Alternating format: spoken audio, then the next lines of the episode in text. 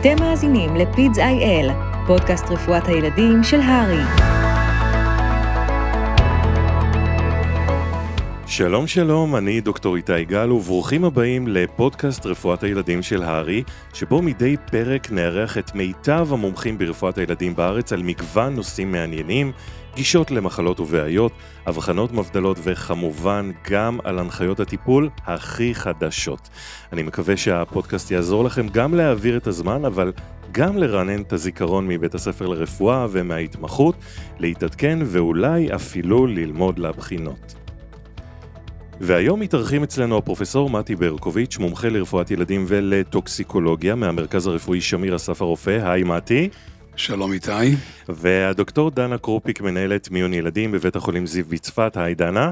היי איתי, שלום לכולם. הנושא שלנו היום אה, מוכר, אני חושב, לכל מי שעובד במיון ילדים או מלר"ד ועושה תורנויות שישי או פורים, שתיים בלילה, מתחילים לזרום בני נוער בהכרה מעורפלת, מדיפים ריח חריף מאוד של אלכוהול, והכיוון הוא בדרך כלל אחד, הרעלת אלכוהול. דנה, התיאור הזה מוכר לך? כן, מאוד מוכר, רק שאצלנו בצפת הימים הסוערים זה ל"ג בעומר, מירון, ופורים, אצל החברים שלי ברחבי הארץ זה יום העצמאות, סילבסטר. לא, חסר ימים, אז, אז נדבר היום על המצב הזה של הרעלת אלכוהול אקוטית, ובהמשך גם אה, נתייחס לסם האונס שלצערנו צובר תאוצה עם עוד ועוד מקרים של אה, נפגעים ובעיקר נפגעות תקיפה מינית, שכנראה הוכנס להם סם האונס למשקה מבלי ידיעתם, אבל רגע לפני נחזור לחדר המיון.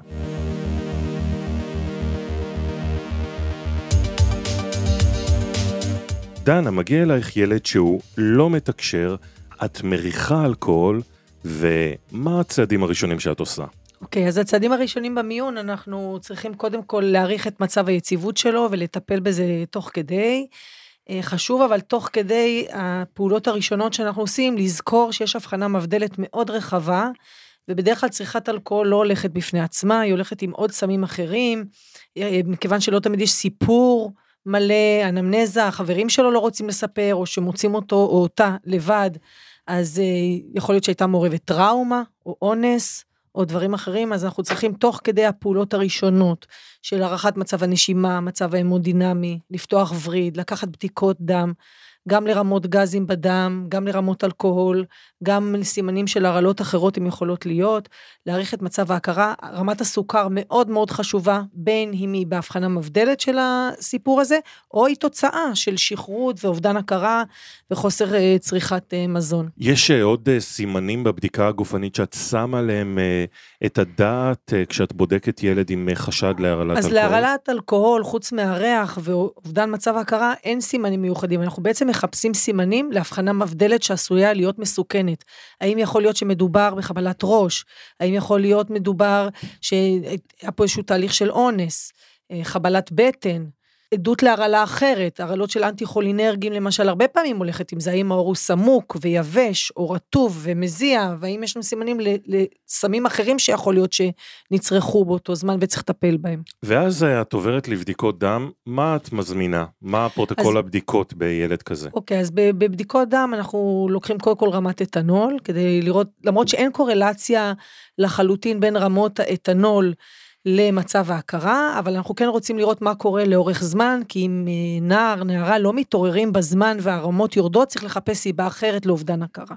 אז אנחנו לוקחים את זה כ baseline, גזים בדם, רמת אוסמולריות, כיוון שאם יש הבדל בין רמת אוסמולריות מחושבת לנמדדת, אז זה גם עדות לנוכחות של אתנול בדם, anion gap, במצב של הרעלת אתנול יש לנו high anion gap metabolic acidosis ו osmolar gap גבוה.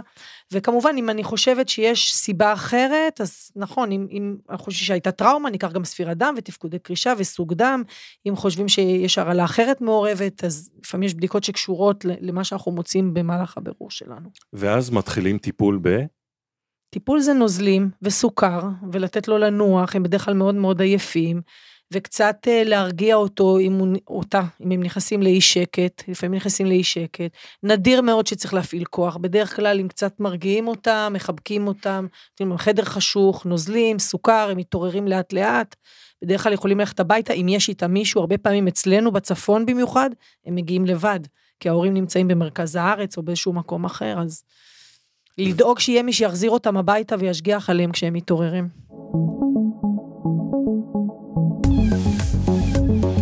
וזה המקום לעבור אליך, הטוקסיקולוג שלנו. אה, מתי, אנחנו מדברים על אה, סוגי אלכוהול שונים בארץ שמגיעים לחדר המיון? התשובה היא נכון, בהחלט. הכי שכיח זה בדיוק כמו שדנה אמרה. הרעלה של אתנול. בל נשכח, ופה אני פונה בעיקר למתמחים, כאשר אתה מדבר על האלכוהול, זה סוגים שונים של אלכוהול. האחד אתנול, הכי שכיח, שניים מתנול, אתילן גליקול, והסוג הנוסף זה איזופרופיל אלכוהול, שהטיפול בכל אחד מהם הוא למעשה שונה. לשמחתנו, מה שנדבר כרגע, ומה שהכי שכיח אצלנו במיון ילדים, זה הרעלה של אתנול. אז אה, מה זה עושה בגוף שלהם? בדרך כלל אה, אתה רואה אותם אה, אחרי מה? אחרי שתייה של מה הם מכניסים שם? תראו, קודם כל, בואו נניח שאכן מדובר באתנול בלבד. הבעיה שלנו היא קצת אחרת, שהרבה מאוד פעמים, האתנול דרך אגב, מה שאנחנו רואים היום בארץ, זה שהגיל יורד והכמות עולה. זאת אומרת, אם ראינו בעבר גילאי 15-16, נכון להיום אנחנו רואים כבר גילאי... 10, 9. והכמות שהם בולעים היא הרבה יותר גדולה מאשר... שזה אומר מה? שזה אומר שאנחנו בבעיה. במיוחד בתקופת הקורונה, יש תחושה שנערים הסתובבו בחוסר בני מס. בני נוער. בני נוער, בנות נוער, בעיקר בני נוער בסיפור הזה, אבל גם בנות נוער, משועממים, חסרי תוחלת, ההורים היו טרודים בכל מיני אה, דברים. והבא. אז, אז אתם רואים עלייה במקרים. יש תחושה, עוד לא נעשתה עבודה מסודרת כדי לבדוק את זה, אבל יש איזושהי תחושה של אה, ריבוי, של הגעה למיון.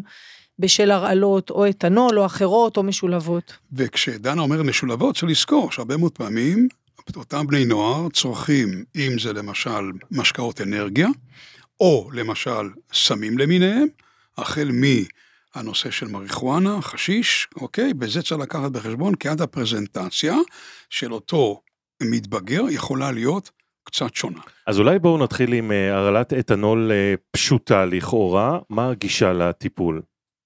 למעשה זה בדיוק כמו שדנה אמרה, דבר ראשון, לעבור ולראות מה מצב ההכרה של אותו מטופל.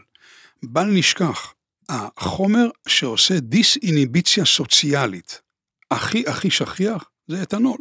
אז באמת בהתחלה, כששותים כמויות קטנות, מה אתה רואה? צחוקים, אה, אה, מצב רוח מצוין. אבל כשאתה צורך כמות הרבה יותר גדולה, כאן זו הבעיה. יש הגדרה לכמות? מה זה נחשב אצלך כמות גדולה? זה מאוד מאוד אינדיבידואלי.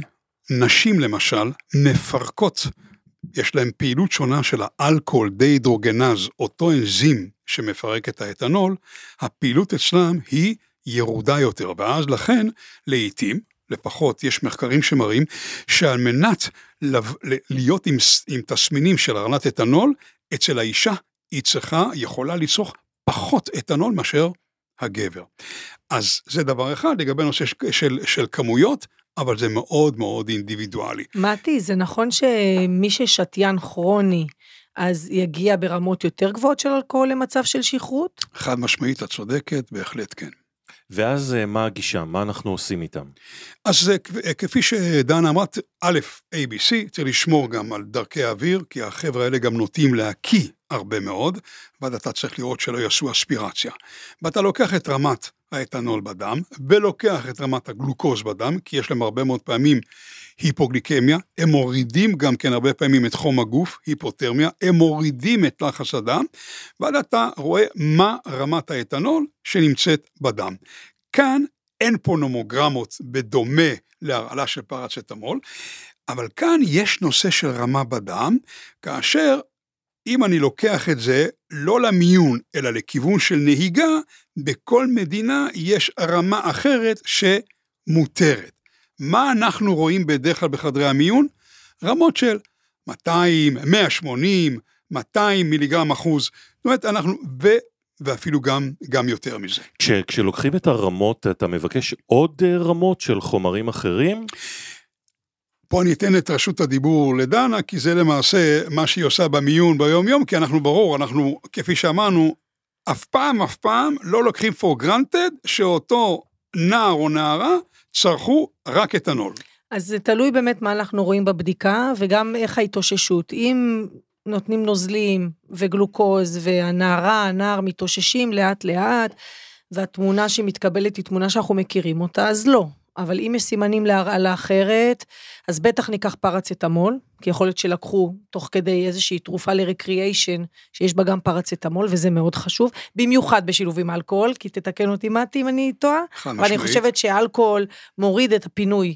שימוש באלכוהול מוריד את הפינוי של הפרצטמול, הוא נהיה יותר טוקסי.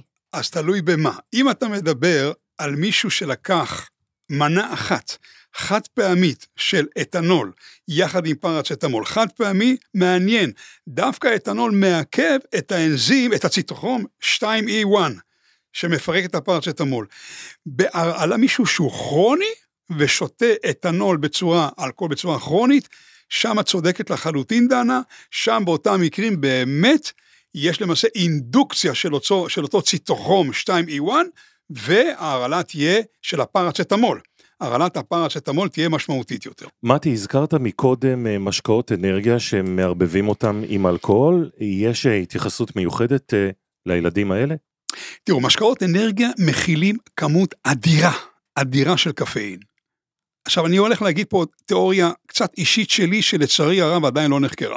מצד אחד, יש את האתנול שהוא מרדים, משפיע, הוא מדכא את ה-CNS. מהצד השני, יש משקאות האנרגיה שהם, הקפאין בכמות כל כך גדולה, מגרה ומעורר את ה-CNS, את מערכת המרכזית. התחושה שלי, אבל זה צריך לבדוק במחקרים, זה קשה לעשות את זה, כי אתה מדבר על חבר'ה שמגיעים במצב סטופורוטי. התחושה שלי שמי ששותה ביחד את משקאות האנרגיה, צריך כמות גדולה יותר של אתנול, כדי להיות עם השפעה על ה-CNS. אז מה שאנחנו ראינו- למה, למה הם מערבבים, דנה? למה הם מערבבים את אה, זה משקאות תשאל האנרגיה? אותם, אני לא שמה. אני לא ניסיתי. מתי, אתה מבין את הרציונל? הרציונל הוא בעיקרון לעשות פוטנציאציה. זאת אומרת, להגביר את האפקט של אותו חומר, אה, אה, אותו חומר טוקסי. הם רוצים להשיג אפקט מהר, כמה שיותר מהר. תראו, אנחנו רגילים בסצנה של המועדונים, מה קורה? החבר'ה קונים את אותו בקבוק של וודקה או לא יודע מה, מתחילים לתדלק לפני שנכנסים למועדון. נכון, חלק מזה בגלל שבמועדון המשקה הוא, הוא יקר. אבל חלק מזה, בגלל שהם רוצים גם כן לתדלק לפני כן, אז הם שותים לפני כן, מוסיפים גם את ה... לתוך הכוסית את אותו, לא רוצה לעשות אה, שום פרסומת לאף משקה אנרגיה, מוסיפים את המשקה האנרגיה, ומתחיל בלאגן, שלא לדבר על זה שהם קצת סיגריה פה, שמכילה מי יודע מה, ואז בכלל יש אה, סיבה למסיבה. אנחנו רואים לפעמים שהם מגיעים אה, במצב סטופורוטי, ועובר הזמן, וכשהם מתחילים להתעורר, אז מתחילים להופיע אנטי-חולינרגיים, כל מיני טוקסידרומים אחרים, של חומרים סימפטומימטיים, של חומרים אנטי-חולינרגיים, בגלל שהאיניביציה של האלכוהול שוכחת, ואז הם מופיעים, ואת זה אנחנו בהחלט רואים, פתאום הבדיקה הגופנית שלהם משתנה, העור נהיה אדום, נהיה יבש. אה, נקודה נוספת אני רוצה להזכיר איתי בנוגע לטיפול במיון, שזה מאוד נדיר בילדים, אבל אנחנו מתחילים איכשהו לראות את זה. בשתיינים כרוניים צריך לזכור את התיאמין. בשתיינים כרוניים יש חוסר של תיאמין, זה אנחנו לא כך רואים את זה בילדים, אבל, ויטמין B1, אבל, ויטמין אבל B1. אם יש נערה, נער שחושדים שהם שתיינים כרוניים, או שאנחנו מכירים אותם, כשהם מגיעים במצב כזה למיון, חייבים לתת להם תיאמין לפני הסוכר. ומשפט נוסף, גם לטובת המתמחים, צריך לקחת בחשבון ולדעת שקצב הפינוי של האתנול מהדם הוא קצב קבוע. הוא מתפנה בקצב של בין 15 ל-25 מיליגרם אחוז לשעה, ולכן לא פעם ולא פעמיים, ההמלצה שלי היא לקחת את הרמה בדם בקבלה, לחזור על הרמה כעבור מספר שעות, כדי לראות באמת שיש ירידה, ואז אני יכול לנבא מראש, פחות או יותר, מה תהיה הרמה, או מתי אני אוכל לשחרר את אותו נער או נערה מחדר מיון. מתי באמת אתה משחרר? מה האינדיקציות? דבר ראשון שאותו נער או נערה יתעוררו, שיהיו בהכרה מלאה ובאמת יתמצאו במקום ובזמן, ואז למעשה הרמה היא בדרך כלל הולכת בקורלציה. באלה ששותים לעיתים קרובות, אז באמת לא תהיה קורלציה. במי ששותה, לא רגיל לשתות, ושותה מנה חריף, מנה משמעותית, שם בהחלט אני אצפה שהרמות ירדו מתחת ל-100. בל נשכח, ב-80 יש בעיה בנהיגה, אוקיי? אז בואו נגיד שחלקם גם נוהגים. אני מצפה שהרמה באמת תרד בדם, אבל הדבר העיקרי, שאותו אה, נער או נערה, שהם למעשה יהיו איתנו בהכרה מלאה, ולא רק זה, גם כאשר אני מוריד אותם מהמיטה. לראות שאין אטקסיה, לראות שהמצב מבחינת נושא של הליכה, הם הולכים בצורה יציבה, ובהחלט עם כושר שיפוט עצמי. ומצליחים לאכול ולשתות, ויש מי שישמור עליהם ויקח אותם הביתה, כי לפעמים הם מגיעים לבד ואין איתם מישהו. ואנחנו חוזרים אל חדר המיון שלנו, הם אה, מתחילים אה, להתעורר והם אה, רוצים הרי לברוח מחדר המיון, הם מתעוררים עם כאבי ראש עזים, למרות הנוזלים שנתנו להם. יש מניעה, מתי, לתת להם פרצטמול, תרופות אחרות לשיכוך כאבים במקרה של הרעלת אלכוהול?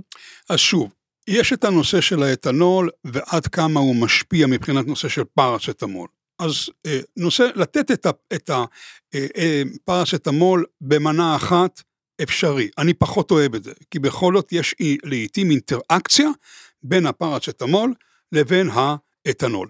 תרופה אחרת שיכולה להיות בהחלט לא פחות טובה זה אייבופרופן.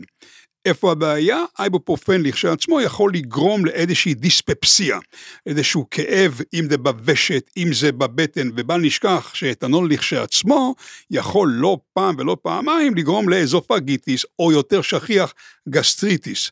אבל בואו נגיד שלתת מנה אחת או שתיים לא צריכה להיות, זה לא מהווה בעיה. אני שומע אתכם ועד עכשיו לא הזכרתם בכלל את הפחם הפעיל, מה קרה לו?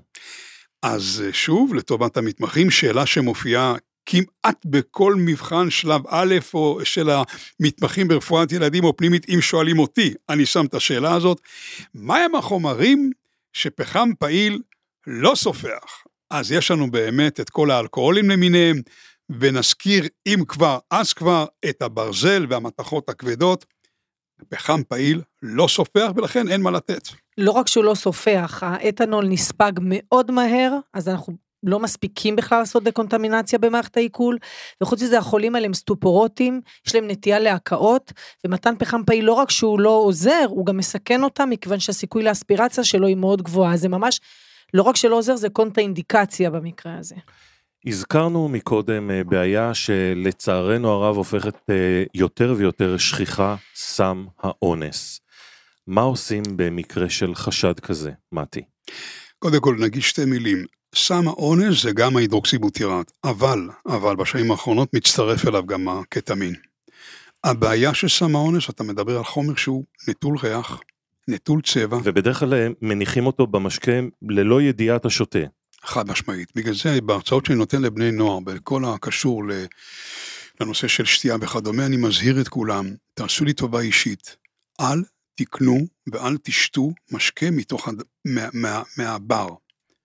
בקבוק סגור, בקבוק סגור ותקפידו שהבקבוק הזה נמצא לידכם כל הזמן. אל תזמינו בקבוק, אה, סליחה, כוסית יין מהבר, כי זה דבר שבקלות אפשר לשים לתוכו את הגמא הידרוקסיבוטירט, שזה סם האונס. באיזה מקרים אתה חושד בהרעלת סם אונס יחד עם האלכוהול?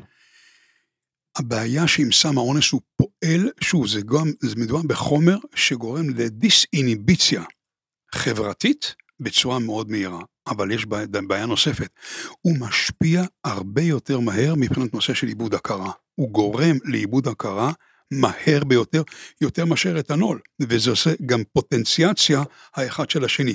והבעיה היא שעם אתנול עדיין זוכרים מה היה. עם, עם גם ההידרוקסיבוטירט יש אמנזיה.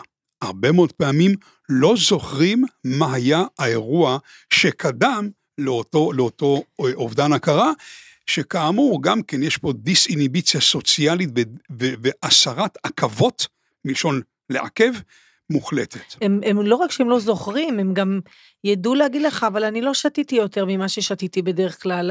שתיתי איזה כוס, משהו, ופתאום, ומאז אני לא זוכר שום דבר. הסיפור לא מתאים, הסיפור הוא לא ישבנו, שתינו, הורדנו פה וודקה, פה זה בקבוק כזה, בקבוק אחר. אם אני הולך על מה שדנה אמרה לגבי הנושא של מנטר הקונטראינדיקציה לגבי מתן של פחם פעיל, גם פה כמובן יש קונטראינדיקציה, אבל כאן מה שאמרה דנה היא, היא צודקת, הספיגה של האתנול היא מהירה. הספיגה של סם האונס, כן, של הגמא הידרוקסיבוטיאט או של הקטמין, היא עוד יותר מהירה. זאת אומרת שתוך זמן קצר ביותר, קצר, דקות, לא צריך שעות, מגיעים לרמה בדם שזו היא שגורמת למעשה לאובדן ההכרה ולכל התופעות האחרות. ומה עושים אה, במקרה כזה של חשד לאולי לסם אונס? יש דרך לבדוק את זה? יש דרך לבדוק את זה, אבל למען האמת, בגלל שמדובר בחומר בעל זמן מחצית חיים כל כך קצר, עד שמגיעים לחדר מיון, עד שמגיעים לחדר מיון לא מספיקים. אלא אם כן יש מודעות ושומרים את אותו שתן, כי לפעמים אפשר לשמור את השתן. יש לאחרונה מספר קיטים שנועדו לבדוק את הרמה של גם ההידרוקסיבוטירט ושל המטאבוליטים שלו, וכאמור גם קטמין והמטאבוליטים. בשתן? בשתן ובדם. הבעיה היא שעד שלא, לוקח מספר שעות עד שמגיעים לחדר מיון. הרבה מאוד פעמים אין בכלל מודעות לעובדה שזה מה שקרה, אוקיי? ועד שקולטים שזה מה שקרה ומגיעים לחדר המיון, למעשה הבדיקה תצא שלילית, ולך תוכיח. אבל חשוב מאוד, רק אחרי שהנערה או הנער מתעוררים, לדבר איתם על זה, ואולי לעשות בדיקה. אה, יש, יש מקומות מסוימים בארץ שמוסמכים לבדוק אונס, זה בדיקה פורנסית, זה לא בדיקה שנעשית בכל מיון, היא נעשית בחדרי ארבע, או במרכזי הגנה, וזה רק בהסכמה, אני מדגישה, רק בהסכמה של הנערה או הנער, אנחנו לא עושים את זה כשהם לא בהכרה.